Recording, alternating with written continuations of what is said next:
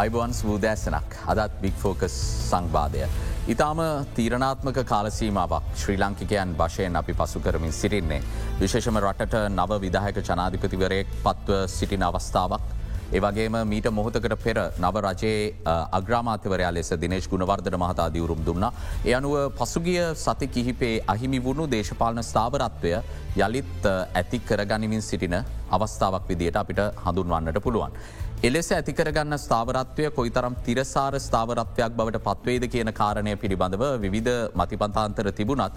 ස්ථාවර දේශපාලන වටපිටාවක් රට මුහුණදී සිටින ප්‍රශ්න විසදීම සඳහා අත්‍යවශ්‍ය සාධකයක් බව සියලුම විශේෂඥයෙන් පවසන කාරණයක් බවට පත්වෙලා තියෙනවා. මේ ස්ථාවරත්වය ගොඩනගමින් සිටින කාල වකවානුවේදීත් ලංකාවේ ජනතාව මේ පවතින ආර්ථික අර්බුදය හේතුවෙන් පීඩා විදිමින් සිටිනවා. මේ වන විටත් ඉන්දන යම්තාක් දුරට ලැබමින් තිබුණත් පෝලිම් දක්නට ලැබෙනවා සඳහ යම් යම් ක්‍රමවේද ඉදිරිපත් වෙනවා. ගෑස් ප්‍රශ්නය කියල කියන්නෙත් පසුගිය කාලසීමාව තුළ ජනතාව පීඩාවට පත් කළ ප්‍රධානම කාරණයක් බවට පත්වන පත් වනා. මුළුතැන්ගේට බලපාපු කුසගින්න කෙරෙහි බලපාන සාධකයක් බවට පත් වනා. අද අපි කතාබහ කරන්න සූදානම සිටින මේ ගෑස් ප්‍රශ්නය සම්බන්ධයෙන් මේ වන විට ලැබිල තියෙන විසදුම මොකක්ද එය කොයිතරම් දීර්ඝකාලීන විසදුමක්ද ඉදිරියේදී සමස්තයක් විදියට මෙවැනි හිංගයන් නැතිවීම බලක්වා ගැනීම සඳහා අපි මොනවගේ ප්‍රතිපත්ති අනුගමනය කළ යුතුද කියන කාරණය ගැන සාකච්ඡා කරන්නට අපි සූදානම් ලිට්‍රෝ ගෑස් සමාගමේ සභාපති මුදිත පිරිස් මහත්මයට ආරාධනා කළේ අයිබෝන් කියල සභාපත්තුම පිළිගන්න. අපි මීට මාස එකහමාරකට පමණ කලින් හමුණා මේ වගේම සාකච්ඡා කරත් මාසකට පමණ කලින් නිවැරදි කළොත්. එහිදි විශාල ප්‍රශ්නයක තිබුණේ විශාල වශයෙන් පෝලිම් නිරීක්ෂණය කලා ගෑස් නැත්තරම නැතිවුණනා කියලා අපිට සරලව කියන්න පුළුවන් කාලසීමාවක්. දැන් තත්ත්වය කොහොමද මේකට මොනාද ඉදිරිපත් කරපු විස්සතු. හොම ස්තුතියි කලින්ඳ මේ අවස්ථාව ලබාදීම ගැන නැවතවතාව. මයිතන්නේ අද වෙනකොට අපිට ඉතාමත් සතුටින් කියන්න පුළුවන් මාසකට සතිතුනකට වගේ ඉස්සල්ලා මේ ස්ථානත ම කිව්ව වගේ පොරොන්දුනා වගේ ලිට්‍රෝගෑ සායතනය විදියට අද වෙනකොට අපි ගෘහත්ස ගෑස් සිරින්ඩ ලක්ෂ හතකට අධික ප්‍රමාණයක් වෙළඳ පොලට නිකුත් කරලා තියෙනවා මේ පහුන එකොළොස් වැනිද ඉඳලා. විශේෂයෙන්ම අද අපි මේ කතා කරන මොහොතෙත් එක පැත්තකින් නැවක් හතරවෙනි නෞකාව ගෑස් නෞකාව මේට විල්ල ගොඩබාන්ඩ ගොඩබයම් කටයුතු ආරම්භ කරලා තියෙනවා. එක්කම අනිත් පැත්තෙන් සිලින්ඩර් නිකුත් කරන එක ප්ලාන්ටිකෙන් සිලින්ඩර් නිකුත් කරන එක ඒ ක්‍රියාන්විතය ඒ විදිහටම සාමාන්‍ය විදියට සිද්ධවම යන අද බලාපොරොත්වන අද දවස ඇතුළත පමණක් අපිසිරින්ට ලක්ෂයක් නිකුත් කරන්න වෙළඳ පොලට ගෘහස්ත ග්‍රස් ගෑස් සිරින්ඩර් විදියට එකෙන් ලක්ෂයක් දොළහයි දශම පහ කිලෝග්‍රෑම් නිකුත් කරන අතරම දෙකයි දශම තුනත් සහ පහ කිලෝග්‍රෑම් වර්ගේවත් තවත් විසිදහ බැගින් හතලිස් දහක් නිකුත් කරන්න බලාපොරතය ගැන ඔක්කොම සිලින්ඩ බැලුවොත්තේම ධරිතාව එක්ලක්ෂ හතලිස් දාක ග්‍රස්ත ගෑස්සිලින්ඩ අද දවසය අපි නිකුත් කරන ඒ වගේම හෙට අනිද මේ විදිට දිගටම ලබන තිස්සෙක් පෙන්ද වෙනකම්ම එදා අපි සුමාන තුනහතර ගිරිසල පොරොන්දුරා වගේම අවශ්‍ය කටයුතු සැලසුම් කර පරිදිම මේ වෙනට සිද්ධවෙමින් යනවා හිද අපිට තමත් වගකීමෙන් කියන්න පුළුවන් මේ වෙනකොට ලක්ෂ හතාමාරක් දෙෙන මේ LPG වල අවශ්‍යතාවය මේ වෙනකොට පිරිමහගෙන තියනවා. ඉතිරි කට්ටියටත් අපි තිස්සෙක්වෙන්ද වෙනකොට මේ අවශ්‍ය පෝලිං අනවශ්‍ය පෝලිං සහ මේ තිබුණු තදබදය සියට සියක්ම අවසාන කරනවා කියන එක දවගේම අද වගකීමෙන් අපිට කියන්න පුළුව. යනුව මේ පෝලිම් සියට සීයක්ම ඔබතුමා කියන විදිට නැතිවෙන්න. කොපමන කාලයක් ගතවේද දින වශයෙන් අපි කිව්වොත්. අද අපි දැන් ලක්ෂෙක් ලක්ෂ හතලිස් දහක් වගේ සිලින්ඩ ප්‍රමාණයක් නිකුත් කරන්න ගත්තම ලබන තිස්සෙක්වෙද පලවෙද වෙනකොට පෝලිං සියට අනුවයික් සියට සීයක්ම නැතිවෙන්ඩ අවශ්‍ය කටයුතු සිද්ධ වෙන්න ඕනේ. මොකද එක්ලක්ෂ හතලිස් දාගාන ඉදිරි දවස් දායක ඇතුළ අපි ලක්ෂ දාහතරක් පහලොක් විතර සමහලට අපි ලක්ෂ කිව්වට ඒන එන නැවතෝග විදිට සමලට එක ලක්ෂ විසිදාහක් ලක්ෂ තිස්ද හතර ප්‍රමාණයක ඉස්ස විදිරයට යන්නත් පුළුවන්. එනිසා මංහිතනවා තිස්සෙක් වෙද පලවෙද වෙනකොට අපිට සියට සීයක්ම මේ ප්‍රශ්නය නිරාකරණය කරගන්න පුළුවන් වේ කිය. දැන් මේ වෙද්දී නැව් ඇවිල්ල තියනවා ගෑස්තුග අපිට ලැබෙමින් පවතිනවා නමුත් මේක කොයිතරම් දීර්ඝකාලීනව අපිට මේ සැපවම ලැබේද. මොකද මේ දැන් තෙල් ප්‍රශ්නය ගත්තත් අපි දකින මේ වෙලාවෙ නැව්වෙනවා නමුත් දිගින් දිගටම අපිට මේ සැපවම ලැබේද කියනෙක් ගැන ජනතාව තුළ යම්කිසි සැකයක් තියෙනවා. ගෑස් ගැන කතා කරදි තත්ව කොහොමද. ගෑස් ගැන කතා කරදදි කලින්ඳු දැන් විශේෂයෙන්ම නැව් මේ හතරනි නැව තමයි අද ගොඩ බෑම් කටයුතු මෙපරන්න.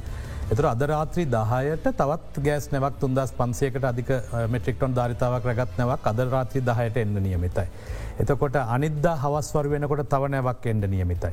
එතකොට මාස හතරකට කාලෙකට තමයි මගේ ඉස්සල්ලම චලෙන්ජ කෙමනැත්ත අභියෝගය මට බරදුන්නේ මේ මේ ඒ වෙලා තියන ප්‍රශ්න ඉස්සල්ලම කෙටිකාලින විසඳුම ඊට පස්සේ දීර්ඝ කාලව. කෙටිකාලන විසඳුම අපි ජයරගෙන ඉවරයි මංහිතන අපිට ඔක්තෝබර් අග වෙනකං අපේ රට ලංකාව අපට වගකීමෙන් කියන්න බල ලිට්‍ර ගෑ ආයතන විදිට සියට සියයක්ම අපි සිකයෝඩ් සියට සියක්ම ආරක්ෂිතයි. ඇත්ති තරන් තොගේනවා ඔක්තෝබර් අවස.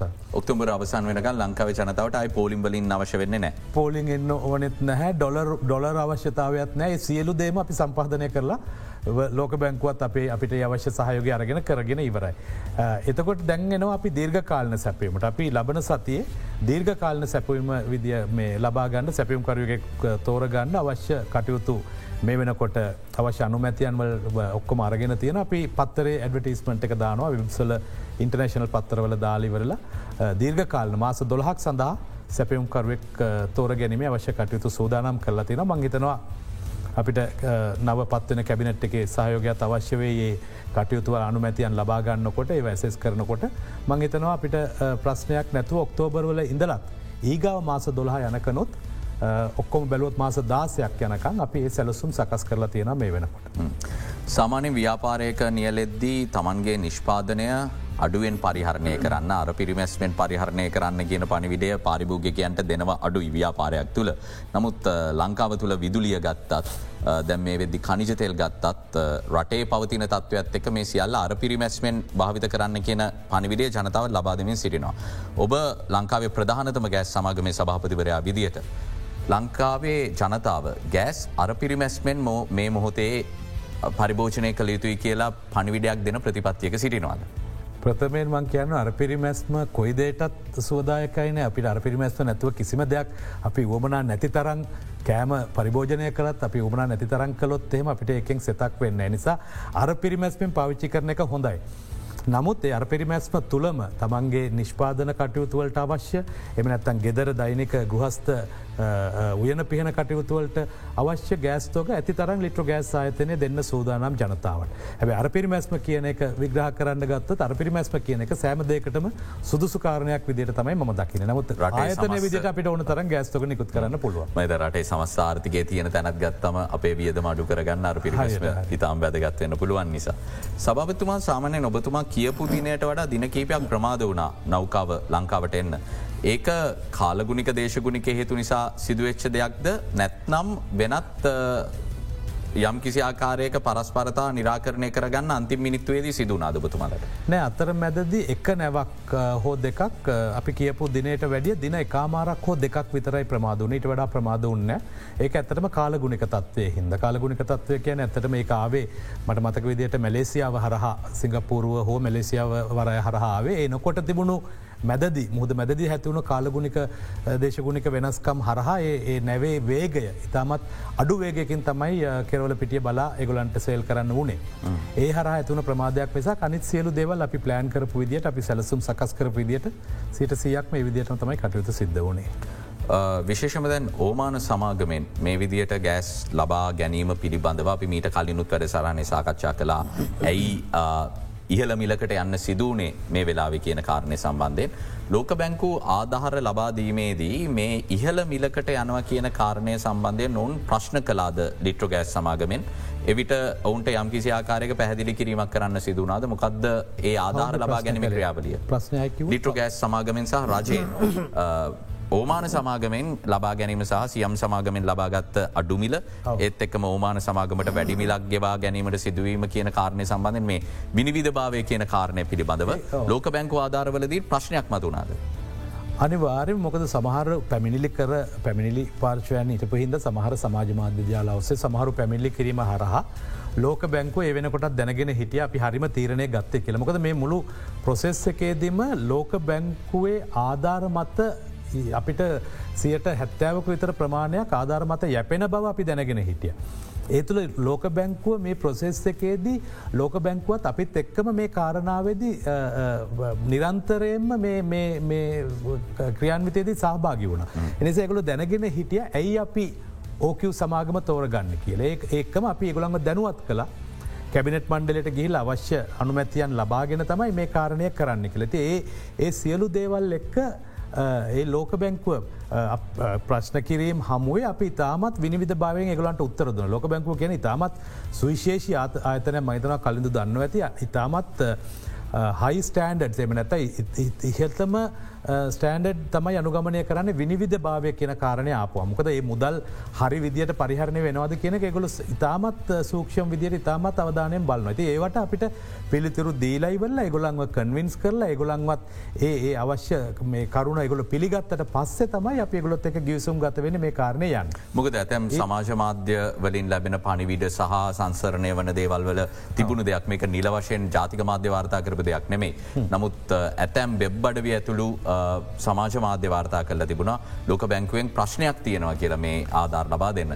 මත් දක් සමහර වෙලා ලෝක බැංකේ ප්‍රශ්නයක් තියෙනවා කියලා ඇති මන්දන්න ලෝක බැංකුවත් එක් ලෝක බැංකුව දැකල නැති කෙනෙක් වගේ එම කිව්ව කියල අපි කලබල උන්න අපි අපේ සාමාන්‍ය විනිවිධ භාවයෙන් යුතු ප්‍රසෙස් එක කරගෙන ගිය.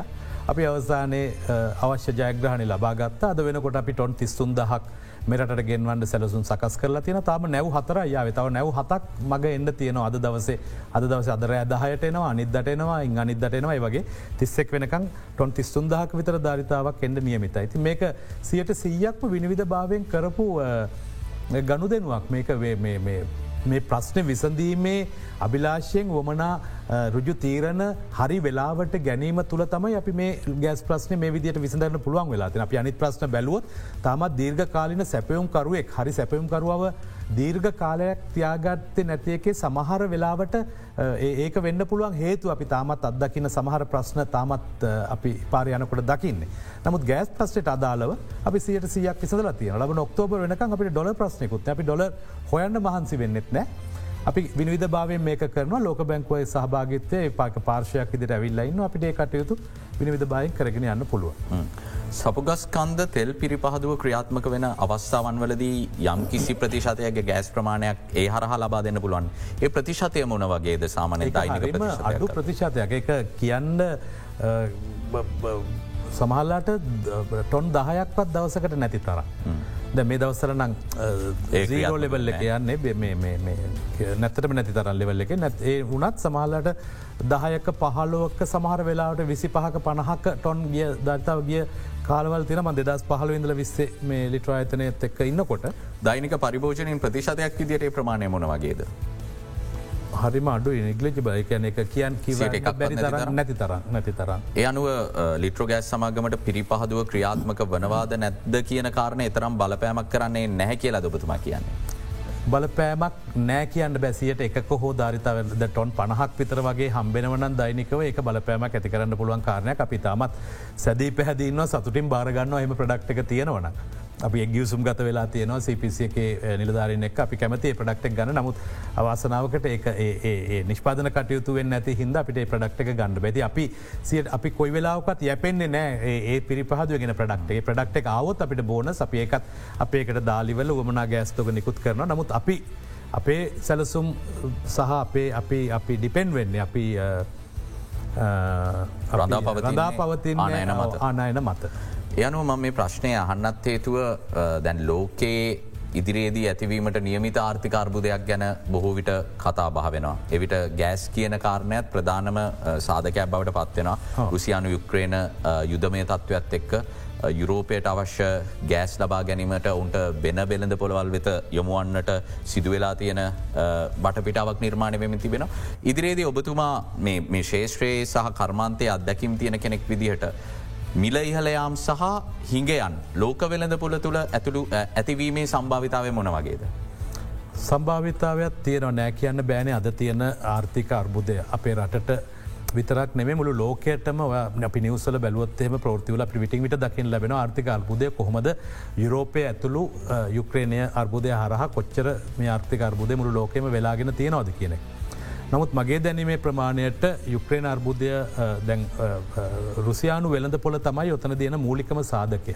මොකද රුසියානු වෙළඳ පොලෙන් තමයි ඩිපෙන්ඩුනේම නැත්තං රඳා පැවතුනේ යුරෝපියනු වෙළඳ පොල ඉතාමත් ඉහල ප්‍රතිශතයක්.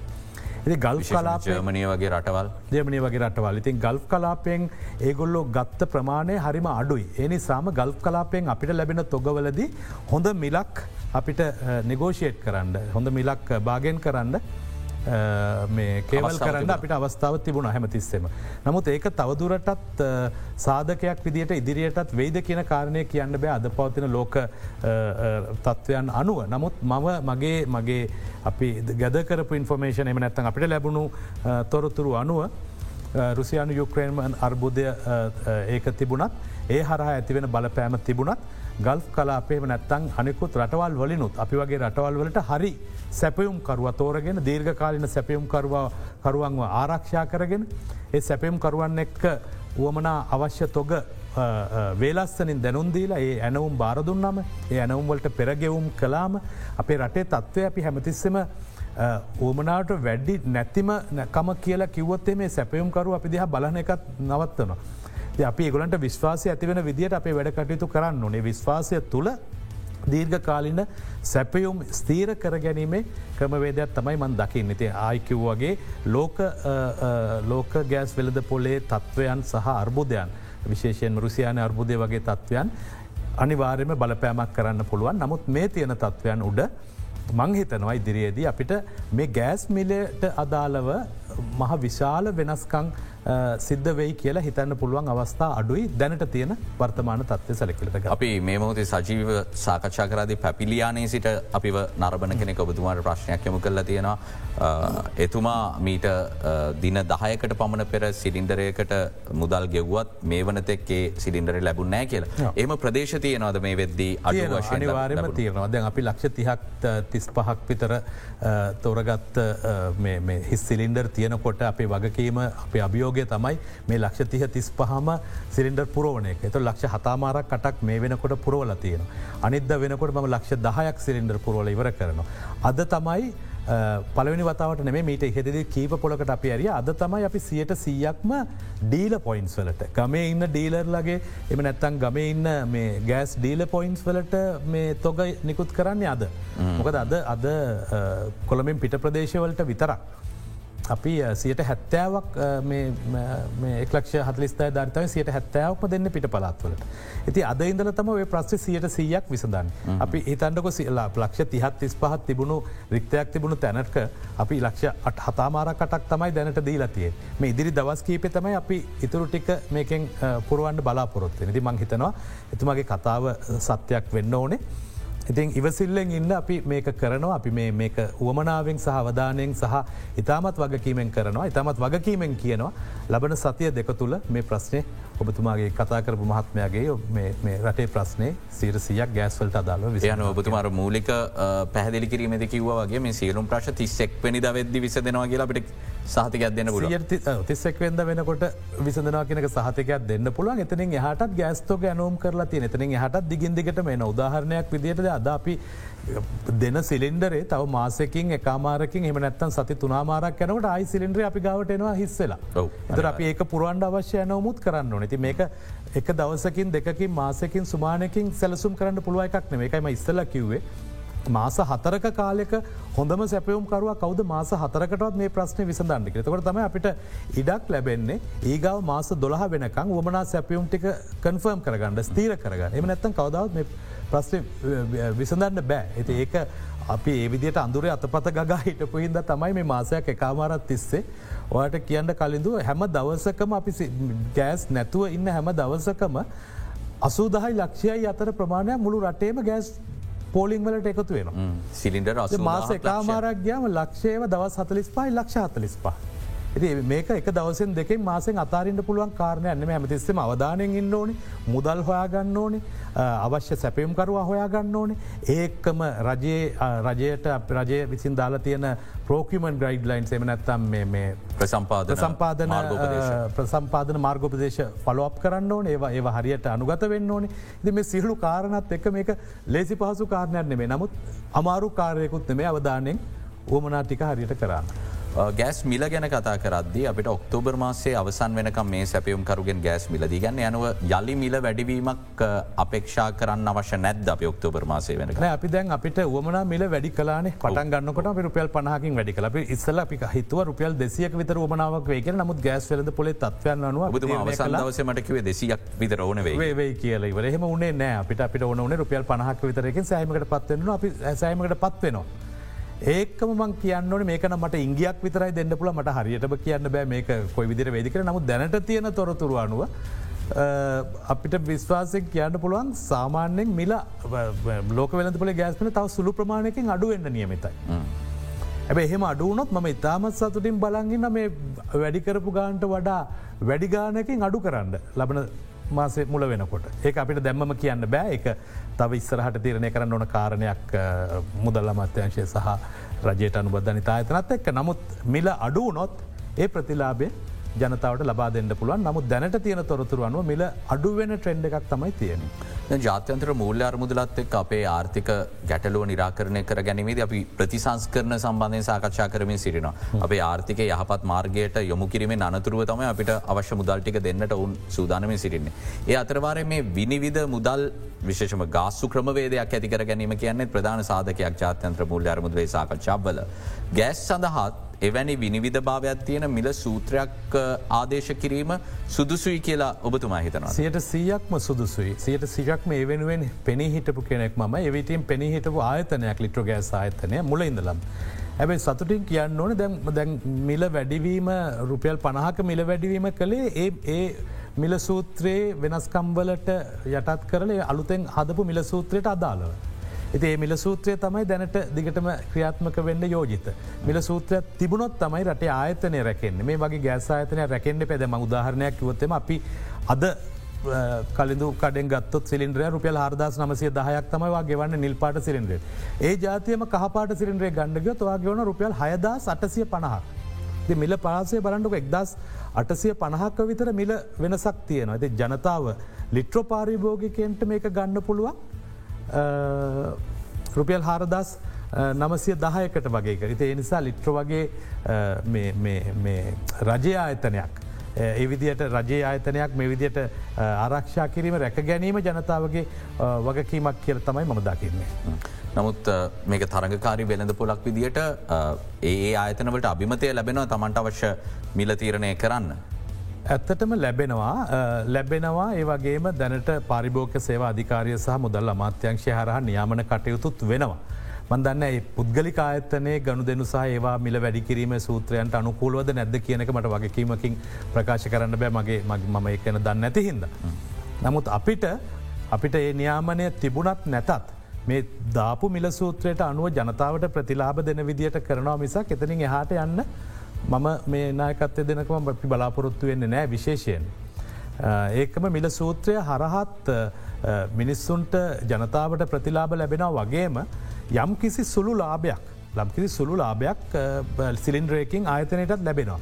ඒක නැවතවතාවක් අවුරුද් අවසානය ලාභාංශ විදියට මහ බණ්ඩාගාරයටම අපි ලබා දෙනවා. ඉති නැවතත් ඒ මහ බණ්ඩාගාරය හර මිනිස්සුන්ගේ සුභ සිද්ධිය සඳහා ඕමනක් කරුණු කාරණ සඳහම තමයි මුදල් යන්න ඇති මේක වක්‍රයක් චක් වගේ එක දිගටම කොයි විදියට ගියත් කර එකම දේ අපි හරි හරි වෙලාවට වැඩි කරන්න ඕනේ ඒ වගේ ගෑස්මිල් අඩු වෙනකොට හරි වෙලාවට මිනිස්සුන්ට ජනතාවට ප්‍රතිලාබය ලබා දෙන්නත්. ඔබතුමාලගේ මිල සංශෝධනයකේදී සෑමවිටම අත්‍යවශ්‍යයෙන්ම මුදල් අමාත්‍යංශය අනුමැතිය ලබා ගැනීම අවශ්‍යයි. මෙචර දැන් මෑතක් වෙනකං අපිට මගේ දැනුවේ ප්‍රමාණයට මෑතක් වෙනකන් තිබුණේ අපිට මිල සූත්‍රයට අදාලව අපිට ඒ මිල වැඩිවීම මිල අඩුවීම් කරන්න පුළුව ලෝක වෙළඳ පොලේ මිල උච්චාවචනයන් වලට අනුකූල. නමුත් මීට පෙර කටයුතු කරපු සභාපතිවරුන් එක අයක් නෙමෙයි සභාපතිවරුන් කීප දෙනෙක්ම කියපු දෙයක් තමයි තැන් මේ වෙලාවේ අපිට යන වියද මානයන වියදම දිගින්දිකට මිහලයාමින් තියෙන ලෝක වෙළඳ පොලේ තත්වයන්න එක් නමුත් රජයෙන් අපට අවසර ලැබෙන්නේ නෑ ගෑස් සිලින්ඩරමිල වැඩි කරන්න. තුට එන්නම් පාඩුව වැඩි වෙලා අපිට යළිත් ගෑස් ගෙන්න්න ගන්න බැරි තත්වකට පත්වෙනවා.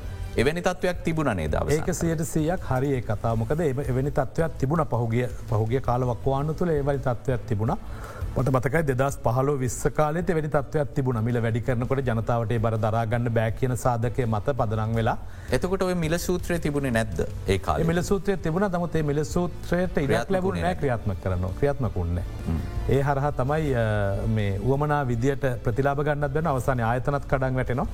අනි පැත්තෙන් ආයතනය හරහ ලැබියයුතු ලාබාංශ ලැබෙන්න්නෙත් නෑ එතුර මිල අඩු වෙනකොට ජනතාවට ලැබියයුතු ප්‍රතිලාබය ලබා දෙන්නත් බෑ මොකද ඒ වෙනකොට අර පාඩුව දිගින්දිකට මැවිල්ල ප්‍රතිලාබයක් දෙන්න පුළුවන් අවස්ථාවද ඒ ප්‍රතිලාබය දෙන්න බෑ එකත් අර පාඩුවට අපේ රටේ.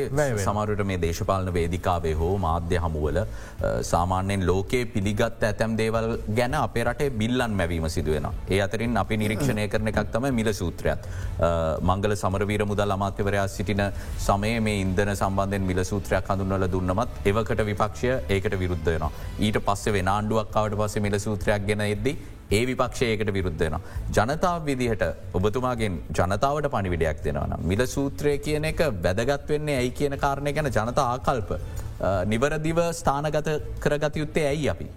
මිලසූත්‍රය කියන එක එක පාර්ශවයක් එම නැත්තන් අපි ආයතන විදිට අපි විතරක් හදන එකක් නෙමේකට මුදල් අමාත්‍යංශය ට්‍රෙශරියක පරිභෝක සේවා අධිකාරය කියන මේ ආයතන සියල්ලක්ම ඇත්ත ගණු දෙනු ඇති සැටියෙන්ම පරීක්ෂා කරලා නිවැරදි කරගෙන අඩු කළ යුතු තැන්වලින් අඩු කරලා අවම ලාබය පමණක් පවත්වාගෙන තමයි මිල සූත්‍රය ප්‍රධාන වශයෙන් හැදනීට පස අනිකුත් සාධක එක එකතු කරලා ආනයන වියද මොකක්ද එතකොට ප්‍රවාහන ගාස්තු මොනාද? මිනිස්සුගේ ගාස්තු මොනාද? පඩිනදිම මේ සියලු දේත් එක්ක ඒකරාශි කරලා තමයි මේ සියලු දෙයක් කරන්නේ. එද මිල සූත්‍රය ඉතාමත් මිල සූත්‍රය හැම කාරයකටම තියෙනවන හොඳයි කියන අදහස තමයි අපේ තියෙන මොකද හැමතිස්සම එක ප්‍රතිලාබය. ගෑස්මිල අඩුවෙනකොට ප්‍රතිලාබේ ජනතාවට විඳින්ද. ගෑස්මිල වැඩි වෙනකොට ඒ ඒ අමාරුකම දරාගත්තත් නැවත වතාවක් ආයතනයක් විදිට රජ ආයතනයක් විදියට ගෑස් ආයතනය ආරක්ෂා වෙනවා කියන සාධකය මත ඒ හරහ ලැබෙන ලාභයක් තියෙනවන යම් කිසි සුළු ලාභයක් හරි ඒක ට්‍රේශරික හරහ ඩිවිඩන්ස් විදිට නැත ලාබාන්ස විදියට නැවත වතාව ජනතාවගේ සුභසාධක කටයුතුවලටමයි යොදාගන්න පුළුවන් නිසා අවසන් වචේ මහිතාන ම අහපු ප්‍රස්සට උත්තරේ විදියට මිල සූත්‍රය හොඳයි කියන එක තමයි මට කියන්න තිය. හොද අපි තවදුරටත් මේ ගැන සාකච්ඡා කරම් විශේෂම දීර්ඝ කාලීනව රටේ ගෑස් අවශ්‍යතාවේ සපුරා ගැනීමේදී අපි මොන වගේ ක්‍රියාමාර්ගවලට යොමුවෙන්න ඕනෙද කියන කාරණය ගැන සාකච්ඡා කරන සූදානම් මේ විරාමයෙන් අනතුරු.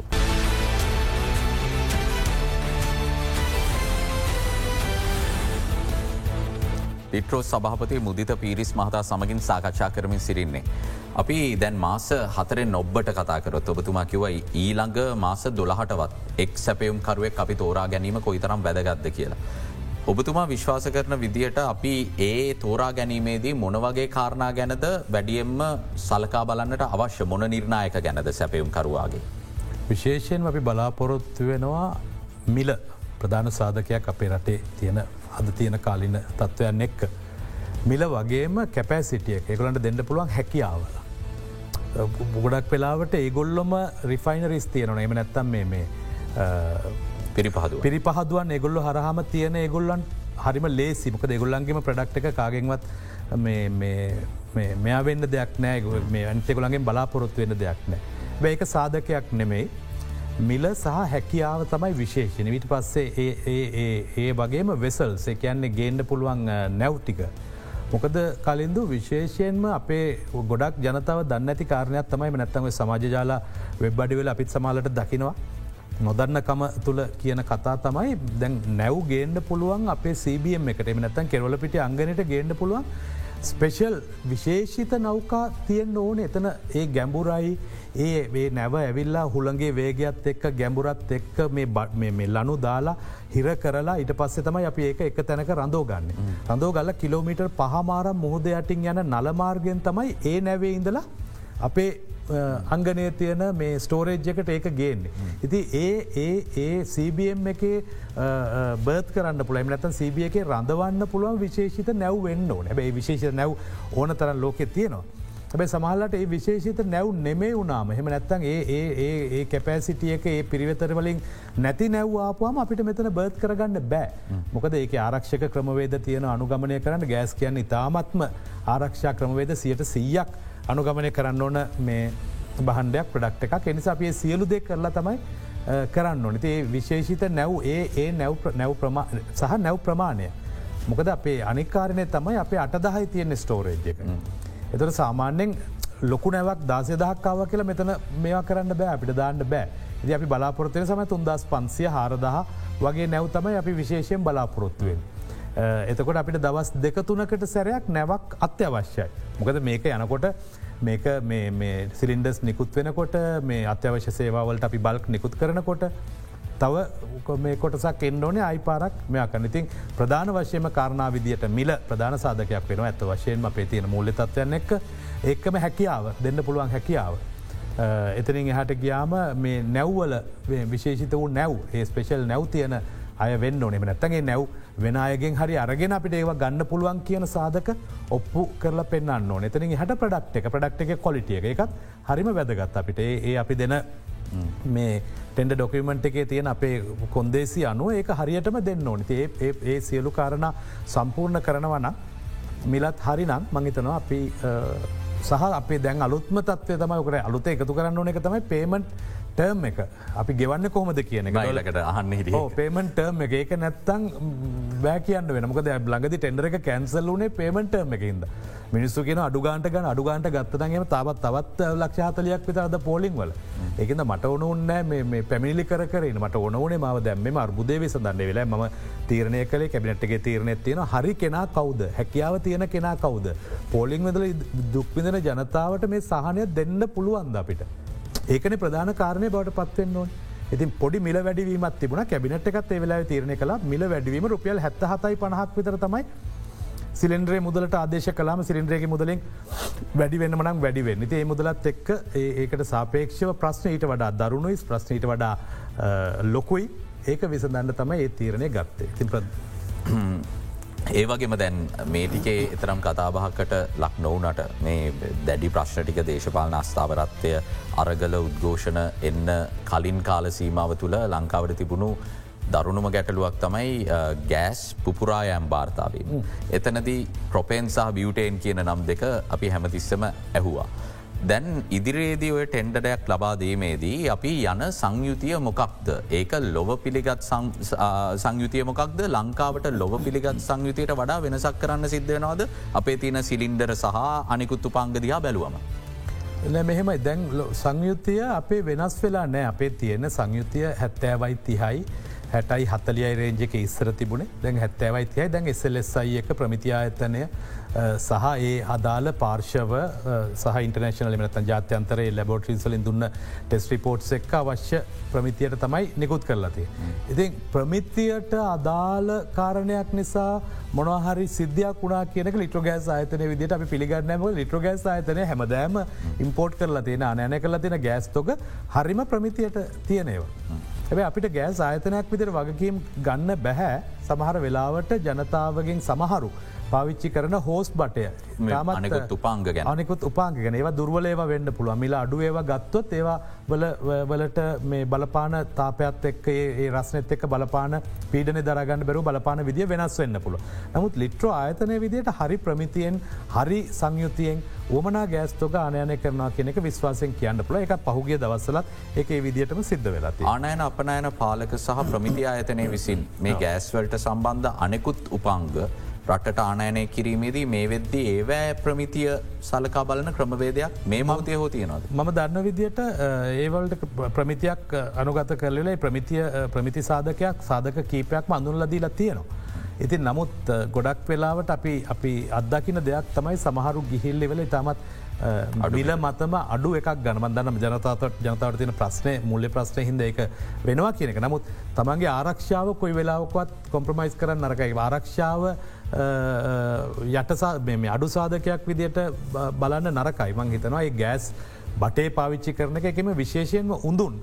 අර මන් දකින ඔය ටින්ට ගලාස් කළුපාට ගලාස් තියන ගලාස් එක තියන ඒක මම හිතන මගේ පුද්ගලික දැනීම හැටියට ඒක වගේකීමක් ගන්න පුළුව එකක් නෙේ මොකද ඒ තාපය දරාගන්න බැරුව පීඩනේ රස්ය දරාගන්න බැරුව තමයි ගොඩක් වෙලාවට ඒ වීදුරුව සමහල්ලට ඉරි තලන්න පුළුවන්. සමහලට මේ පුරා හැලෙන්න්න පුළුව එමනතු ගෑස්වල සංයුතියවත් ගෑස්වල මේ ප්‍රොෆයිල් එකේවත් කිසිම වෙනසක් හිද නෙම එක සහතික කරලම කියන්න පුළුවන්.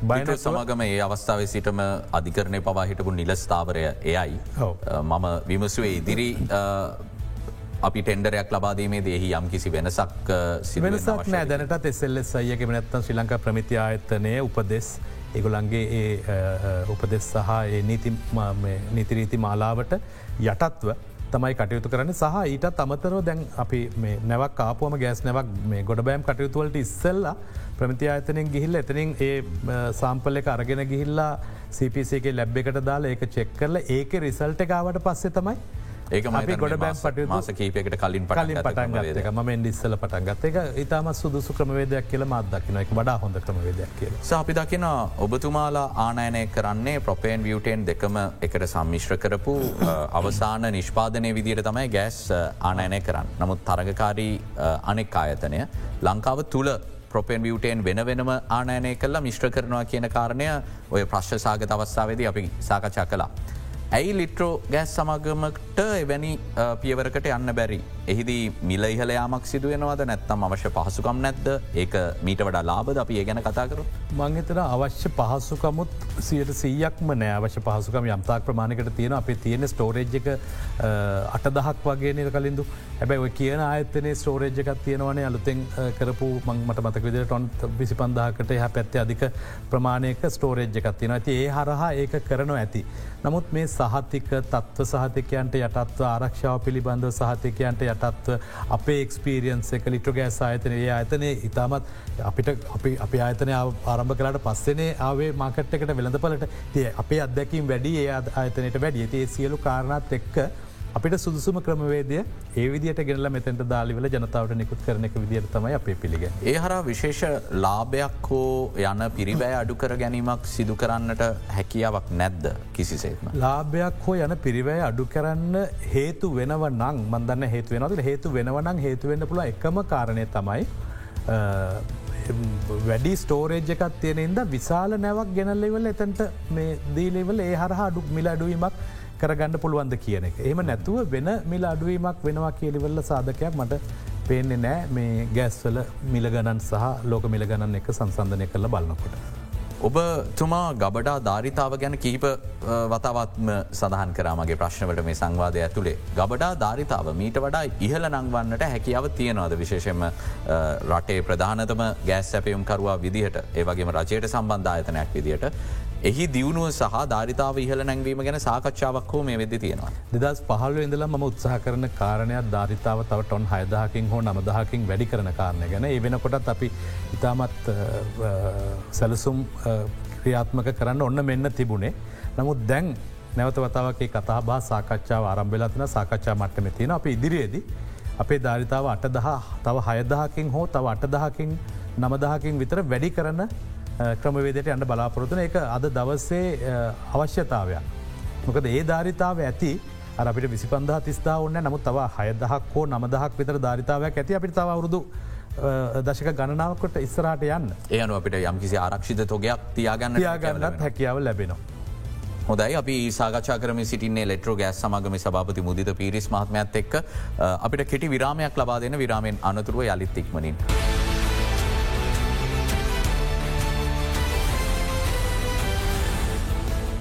අද බික්‍ෆෝක සාරාධිතයා ලිට්‍රෝ සභාපති මුදිත පිරිස් මහත්මයා දැන් ඕනම හිඟයකදී කළුකඩයක් නිර්මාණය වෙනවා එක ඉන්දන සම්බන්ධයනුත් තිබුණා ගෑස් සම්බන්ධයනුත් තිබුණා. මේ වෙද්දී ගෑස් සම්බන්ධයෙන් තියෙන කළුකඩය අදත් ක්‍රියාත්මක වෙමින් තියෙන මොකද යම්කිසි ඉංගයක් තියෙන නිසා. ඔබ හිතන විදියට කළුකඩය මර්ධනය කරන්න වෙනම ක්‍රියාමාර්ග ගතයුතු වෙනවද නැත්තම් ඔබ ඔය කියන විදිට දින කීපයකින් නිබේම කළුකඩේ නැතිවේද. අපි සැලසුම් සකස් කල තින ඉබේම කළුකඩ ටික වැහෙන් මම කියන ජනතාවගෙන තිල්ලන්න කැමති එක කළුකඩ මිලකටවත් ගණ්ඩ එපා හරදස් නමසය දායකට කොළඹ බේස් ප්‍රයිසක හරදස් නමසය දහයයි. ප්‍රවාහණ ගාස්තු යම්තාක් මුදලක් ඇඩවෙන්න පුළුවන් මේ වවනියාවට අන්රාධපුරයට කළුතරට මේ වෙන දිහාවකට යනකට ප්‍රහණ ගාස්තු විදිර යම්කිසි මුදලක් ඇඩවෙනවා අපේ නොමල් දාහට පහලස් දාහටත් තියෙන. ඕ ඒක තමයි. ඒ මම විශේෂයම කියන්න ඕනේ කළුකඩවලට ගිල්ලා වැඩිමිලක් ගෙවලා සිලින්ඩරයක් ගන්න එක කිසිම තේරුමක් නෑ. එකතකින් අපි දැන් සිරින්ඩ තොක ඕන තරන් තින ති සුන්දහක් වෙනකක් තියෙනවා පෝලිං අවසන් වෙන ඉට පස්සේ තමන්ගේ නිවසාදර තියන ගෑස් වෙලදාලට ගිල්ල සාමාන්‍ය විදියට වෙනද ගත්ත වගේ ගෑසිලින්ට අරගෙන ගෙදරයන්න පුළුව වෙනද ඇත්තරම ගෑස් වෙළඳ සැලට ගියත් නෑන ගෙදරටම ගෑස්සිකාව හරියට හරි අපිත දුරකතනංකකින් කොල් කරලිවල ගෑසක ගන්න ගන්න පුළුවන් තත්තරති ඒ තත්වට තමයි මේ සැලසුම් සකස් කරලා මම කරගෙන යන්න. ඇත්තටම කලින්ද මේ වගේ මේ අර්බෝධකාරි අවස්ථාවක අර්බුද්ධය සමනය කරන්න අවශ්‍ය විදියට හැඩගැහෙන පිළිවෙලත් තියෙන අපිට සාමාන්‍ය අවස්ථාවකදි වගේ නෙමෙයි මේ කාරණ සැලකිලට ගන්න වෙන්න. ඇති එහින්දම තමයි මම ඒ වෙලාවේ ඒ සැලකයුතු හැම කාරනාවක්ම සලකල අපි ගත්තේ. ති මේ වෙනකොට අපිට විශ්වාසයෙන් කියන්න පුළුවන් හැම ගෑස් අපේ ඉන්න ඩීලස්ල දාහතර දහක් විතර. අඩුම ගානේ දහ දොළොස් දහකටවත් අද ඉඳලා අපි ඔය මේවටික මෙයා කරන හැබැ අද මේ සියලු දෙනටම ලැබෙන්න අද ලක්ෂයක් එක් ලක්ෂ හතලිස් දහක් යනවා හෙට යනවා. තිස්සෙක් එද වෙනකොට අපිට වගකීමෙන් කියන්න පුළ ඔය සියලු අලවි සල්වලවල ඔගලන්ට අවශ්‍ය මේ ගෑස්සිරින් රෙතියේ එනිසා සත පහක්වත් වැඩියෙන් ගෙවන්න එපා. තමන් තමන්ට මේ මිල නියම කල්ලා තියෙන රජායතනයක් විදිර අපි වගකීම මේ දෙන සිරෙන්ට ඒ ගාන විතරක් ගෙවලා ගන්න පුළුවන් කියන කාරණය විශේෂයෙන්ම කියන්න. කොළඹ දිස්ත්‍රික්කේ සහ කොළඹ ඒ වගේම තදාසන්න ප්‍රදේශවල අලවි නියෝජිතයන්ට. දින කීයක් යයිද මේ ගෑසිරින්ඩර් ලැබෙන කොළඹ ගැන අපි විශේෂම කොළඹට තම මේ ප්‍රශ්න තියෙන්නේ ගම්බල ජනතාවට විකල්පවලට හරි යන්න පුළුවන් ඔන්ට ගෑසෝ නෑ කියලන මේ කියන්න. නමුත් වැඩි අපහසුවක් තියෙනවා කොළඹ මහල් නිවාස ඇතුළු මේ කොළඹ නගරයට. කොළඹ සියට පණහකට හෝ හැටකට අධික ප්‍රමාණයකට මේ වෙනකොට ගෑස්සිරින්ඩ දීල ඉවරයි. සිරින්ඩර් මිලට අරගෙන ගොල්ල ගොලන්ගේ පියුම් කටයුතු කරගන්න එක අපි දන්නවා. මොකද අපි ලක්ෂ හතාමාර කටක් නිකුත් කරපු සිරින්ඩර් වලින් සියට හැටක හැත්තෑවක ධරිතාව ගිය කොළඹට අපි විකුණුවේ. ති අපි දන්න අපිට ලැබෙන තොරතුරුවල මත පදනං අපිට විශේෂෙන්ම වගකීමෙන් කියන්න පුළ ඉතරු සියට හතලියත් මේ දවස් ටිකේ දැන් අද ඉඳලා අදත් සිලින්ඩර් තිස්දහක් එකන එක වර්ගයකින් එකන්නේ දොළහයි දශම පයිසිරට තිස්දහක් විතරක් කොළඹට යනවා. හෙටත් යනවා. එතකොට අපි ඔය ඔය අනිදත් යනොයි වගේ දිගටම දිගටම ඉදිරි දවස් දහය දොලා එක දිගට යන ඊට පස්සෙත් යනවා. නමුත්මන් කියන අපිට දැනට කියන්න පුළන් දවස් දහය දොලා ඇතුළත යන ඉතින් ඔය ප්‍රස්සසියට මයිතන දවස් කීපයත් තව විතර යොගලන්ට බලංගින්ට වෙන්න ඩීලස්ල විදිට ඩීලස්ල කියන්න අපේම කොටසක්. අපිත් එක්කම මේ එකට බැඳුණු කොටසත් තමයි ඩීලස්ලා කියන්න. ඉතින් අපිට ඉස්සල්ල අපි එක සයිට් තෝරගෙන මහපරිමාණයෙන් බෙදන ක්‍රමවේදකට ගිය මේ තියෙන තද බද අඩු කරන්න. ඒ ප්ලෑන් එක හරියට වැඩ වැඩ කලා ලිට්‍රගෑ සායතනය විදිට අපිට. ඉති ඒ ඒ අපේ මාකටින් කණ්ඩායම සේල් සධ්‍යක්ෂකවරය මේ කණ්ඩායම එකතු වෙලා තමයි ප්ලෑන් එක ඉම්පලිමෙන්ට් කලේමනතම් පටන්ගත් ඒ ප්ලෑන් එක වැඩ කලා මොකද ලොකු ප්‍රමාණයකින් ගෑස් බෙදන්න පුළුවන් වුණ. ඩීල කෙනෙක් ගාව එකසිය පහත් දෙසියක් බෙදනට වැඩිය දහක් එක් දස් පන්සියක් පොලිසිය මේ අපිට කලිය කල දුන්න සයිට්සල බෙදල තද බද අඩු කලායිට පස්සේ යම්තාක් දුරකට අපි මේ වෙනකොටත් සමහර ඩීලස් ලගේ ඩීල පොයින්සල්ට යවල තියෙන. ඉදිරි දෙවදවස්සල සියට සීයක්ම අපි හැම ඩීල පොයින්ට් එකකටම කොළම තියෙන තොග නිකුත් කරන්න බලාපොරොත්තුවෙන් ඉන්න. හොදයි ලිට්‍රෝ ගෑස් සමාගමේ සභාපත්තුමා කියන්නේ මේ මාසේ තිස් එක්වැනිද වෙද්දී ඔබේ ගෑස් සිලින්ඩරය යලි ඔබට ලබාගන්නට හැකියාවක් ලැබෙයි කියන කාරණය සාහතික කරන්න පුළුවන් කියලා. යනුව පසුගේ කාලෙ තිබ තදබදය අඩු වෙලා තියෙනවා. අපේ නිරීක්ෂණය කරන මේ අපි කතා කරන මොහොත වෙද්දිත් යම් කිසිහිගයක් තිබුණත් දිගින් දිකටම අකණ්ඩව ගෑස් සැපවුම ලංකාවට ලැබෙමින් තිබෙන නිසා තිස්සෙක් වනදා වන විට ගෑස් ගැටලුව අවසන් කරන්න පුළුවන් සහ ඉදිරි මාස හතරට මොක්තෝබර් මාසය අවසන් වනතෙක් කිසිදු ඩොලර් ගැටඩුවක්කෝ සැපවුමේ ගැටලුවක් කෙන්නේ නෑ කියන කාරණය සාරංශයක් විදිට අපිට කියන්න හැකියාව තිබෙන බෙවින්ම සූතියන්තය නොබතුමට අද අපේ ආරාධනාව පිළිගත්තාට අපි යළිත් දෙනක හමුවමු අදට අපි බික්‍ෆෝකස් සංවාධයෙන් සබගන්නවා හෙටත් හමුවම සුපුරදු වෙලාවට. සුපදිනයක්.